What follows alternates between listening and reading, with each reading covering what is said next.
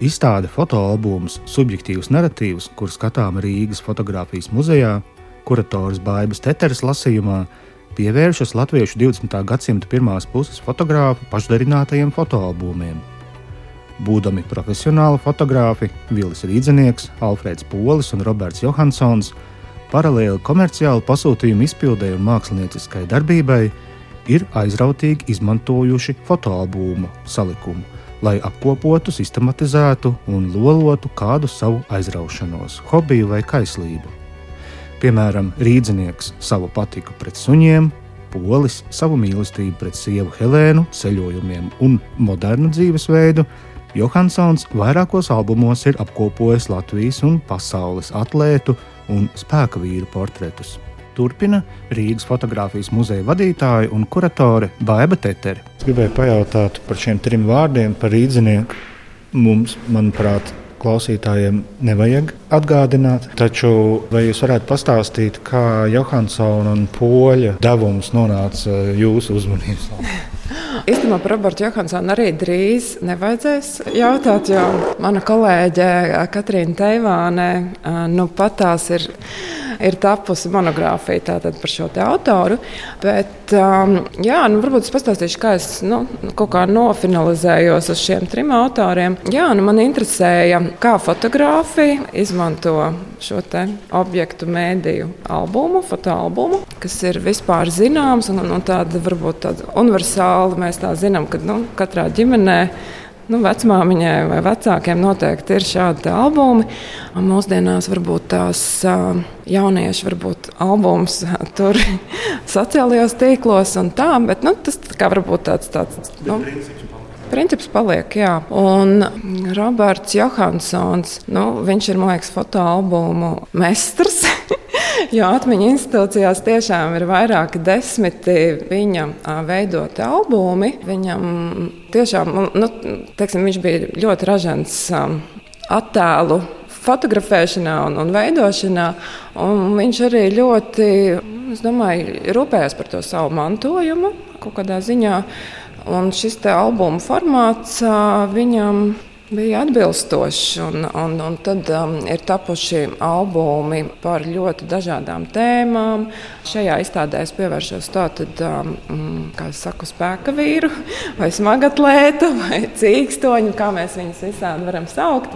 Šai līnijai, bet viņam ir arī ļoti skaisti tādi varbūt rutinēti, diezgan iedzinoties arhitektūras detaļās un arhitektoniskās formās, tādi albumi un vēl citas tēmas pārstāvētas. Un ar Alfrēdu Poli ir tā, ka es īstenībā strādāju fotomuzejā 2000. gadā, pirms vairāk kā 20 gadiem šeit.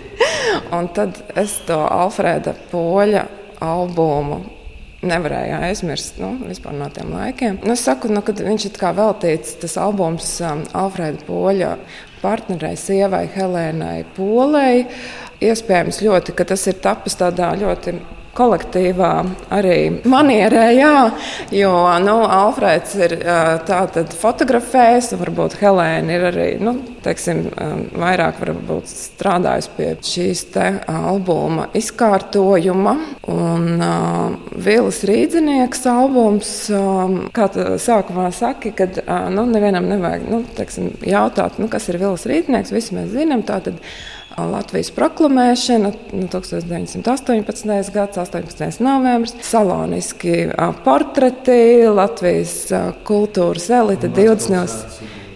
Un idejas, un kara dokumentācija, Pirmā pasaules kara dokumentācija. Un ir ļoti, teiksim, nu vēl, vēl par to visu var ļoti interesanti pētīt un pētīt un rakstīt un rādīt. Bet uh, es uh, pievērsos uh, varbūt tādai līnijai, kas, kas nav tā kā varbūt uzsvērta, kur ir satuvinājušās uh, kaut kāda viņa tāda ikdiena un, un sadzīve. Tātad uh, ar šo profesionālo darbību, viņa mīlestība pret suņiem, aizraušanās ar medniecību, kur suņi ir iesaistīti. Bet, respektīvi, šī fotografiskajā dzīvē, gan ikdienā, gan profesionālajā ikdienā, viņš ir arī veidojis ļoti skaistus suņu portretus un, un, un jā, ainavas ar, ar suņiem.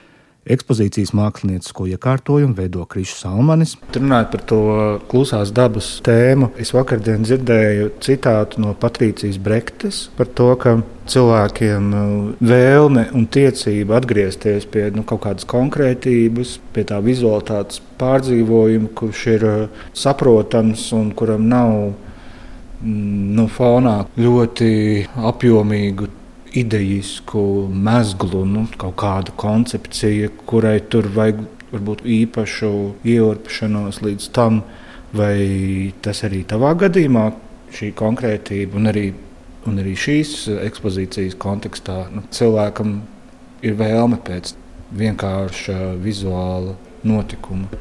Nu, jau tālāk, jau grūtāk man pateikt par cilvēkiem kopumā, ko cilvēkiem gribas. Jo, jo vairāk runā ar dažādiem cilvēkiem, jo vairāk šķiet, ka katram gribas kaut ko pilnīgi negaidīti savādāku nekā man. Bet uh, man vienmēr laikam, pašam gribējies vismaz kaut kādu skaidrību tajā, ko es daru. Un vienalga, vai tas ir paša mākslas darbs, vai noformējot kādu izstādi, vai iekārtojot grāmatu. Mm, varbūt jā, man tāds sarežģīts vai ne līdz galam izskaidrojams lidojums varbūt ir vai nu biedējis, vai vienkārši nav pa spēkam. Tā, tas man diezgan raksturīgi nav. Bet tā skaidrība, es nezinu. Bija kaut kāds brīdis, kad visi bildēja to, ko viņi ēda pusdienās, vai ne? Nu, tāda klusās dabas. Man šķiet, ka tā klusā daba kā tāds žanrs e, joprojām turpinās un attīstās, un, un tādā vienkārši kļūst aizvien plašāks. Tajā plašajā mērogā ir nu, ļoti klasiski. Mēs cenšamies ļoti skaisti nofotografēt savu interjeru vai savu kūku, vai ko nu mēs esam uztaisījuši un, un ielikt albumā, virtuālajā, ne, bet tīmeklī. Runājot par uh, šo ekspozīciju, kas ir fotografijas muzejā, kā tu tiec galā ar to sentimentalitātes aspektu, kas uh, šādiem attēliem ir klātesošs, jo reizēm tur jau var pazust uh, kritiskajā izvēlē. Kaut kas tev liekas jauks, vai tu kaut kā emocionāli asociējies ar kaut kādu attēlu, bet viņš tev varbūt apmāna ar savu vēstures patinu. Kā tu ar to reaģē? Šajā izstādē par laimi man par to nebija jādomā, jo visu izvēli veica baiva. Pat pat daļai iekārtojumu ietekmēja tas, ka viņa, re, viņa redzēja kādas sakarības starp tām bildēm, un man bija drīzāk jāizdomā, kā to sakarību puslīdz parādīt vai likt nojaust. Un nebija pārāk jādomā, kuru bildi likt un ko tā bilde īsti nozīmē. Bet eh, man tāds man pašam ir paņēmiens, kā tikt galā ar lielākoties ar mākslas fotografiju, kas ir melnbalta, bet arī varbūt ar vēsturisko melnbalto, kurā ir tā, kā tu skaisti nosauc, tā patina virsū. Bet, uh, vienkārši prātā iekrāsot un domāt, kā man tā bilde patiktu, ja viņa būtu krāsaina. Pirmkārt, vai, vai ja krāsaina, vai to krāsaino versiju arī uzskatītu par mākslas foto, vai tas melnbaltums tur ir uh, tikai tāpēc, lai man iestāstītu, no, ka šī ir māksla un man uz to jā, tā arī jāskatās.